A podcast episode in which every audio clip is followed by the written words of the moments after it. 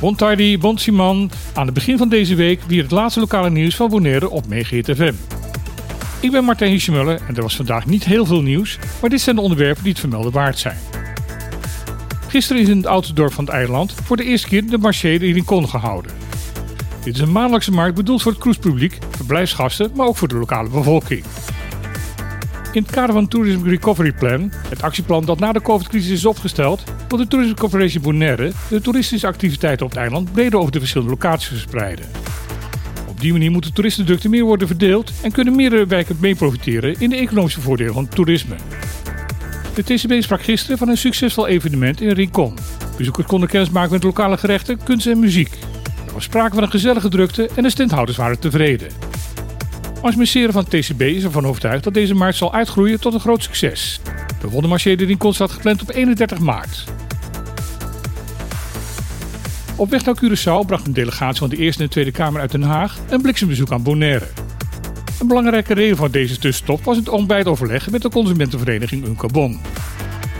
Wegens het obsessieve uitstelgedrag van de Nederlandse regering wat betreft het instellen van een menswaardig sociaal minimum in Caribisch Nederland, heeft Uncabon kort geleden deze kwestie onder de rechter gebracht. In een aanklacht van 92 pagina's stelt Uncabon dat de Nederlandse overheid haar zorgplicht tegenover de bevolking van Caribisch Nederland de afgelopen 12 jaar ernstig heeft verwaarloosd. Maar ondanks deze rechtszaak en de zware druk uit de Tweede Kamer heeft de minister van Armoedebeleid Carole Schouten het onlangs toch nodig geacht om wederom een extra onderzoek in te stellen.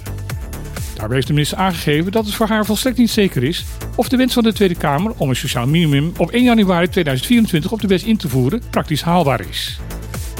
Hierdoor zou 40% van de bevolking van Caribisch Nederland wederom genoodzaakt zijn om minimaal een jaar langer in bittere armoede te moeten voortleven. Reden genoeg voor de Nederlandse parlementariërs om in overleg te gaan met Unke Bon. Het opstellen van dit nieuwsbulletin waren nog geen resultaten van het overleg bekend. De parlementaire delegatie is ondertussen doorgereisd naar Curaçao om daar het halfjaarlijkse interparlementair koningsrijksoverleg bij te wonen. In Europees Nederland is 1 op de 3 woningen een sociale huurwoning. Op Bonaire is deze verhouding 1 op 17. Volgens de bouwondernemers Koert Verbiest en Maarten de Gruiter moet dat snel gaan veranderen. Want anders wordt een nieuwe woning voor de meeste Bonaireanen volstrekt onbereikbaar. In de podcast Vastgoed gezocht van de Nederlandse radiozender BNR vertellen de twee bouwondernemers over de problemen bij het betaalbaar houden van de woningmarkt op Bonaire. Een groot probleem daarbij is het lage gemiddelde inkomen op het eiland, waardoor de meeste woners zich geen hypotheek voor een koopwoning kunnen veroorloven. Omdat er veel te weinig huurwoningen zijn, liggen ook de huurprijzen boven het budget dat de meeste Bonaireanen kunnen betalen. De Gruiter vertelt in de podcast dat hij met Grazagga Reina gepraat heeft dat deze over zou staan voor particuliere initiatieven op dit gebied. Het gesprek heeft echter niet tot concrete voorstellen en plannen geleid. Wel is er door de Gruiter op Bonaire twee dagen met vertegenwoordigers van verschillende ministeries gepraat. Daarbij viel het hem op dat de verantwoordelijke gedeputeerde van het bestuurscollege, James Kroon, niet meer dan een half uur wilde vrijmaken om aan het gesprek deel te nemen. Verbiest vertelt daarnaast dat er tegenwoordig veel sneller en dus goedkoper gebouwd kan worden door middel van nieuwe technieken. Hij vertelt over een 3D betonprinter waarmee in twee weken tijd door vier man een compleet huis gebouwd kan worden. De KLM gaat deze zomer een paar veranderingen doorvoeren bij de vluchten van en naar Bonaire. Wat blijft is dat de Koninklijke Luchtvaartmaatschappij dagelijks Bonaire zal blijven aandoen. De verandering is het type vliegtuig waarmee gevlogen gaat worden.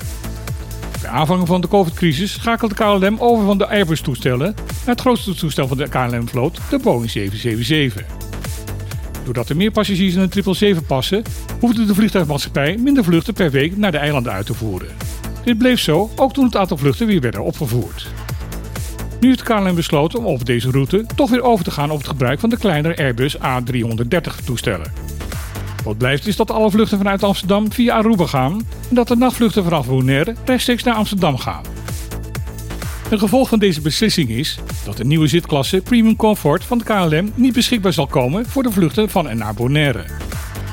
De maatschappij heeft namelijk al eerder besloten om deze nieuwe klasse tussen economy en business class niet in te bouwen in de A330 toestellen. Dit komt omdat dit type toestel al over een paar jaar de vloot van de KLM zal gaan verlaten.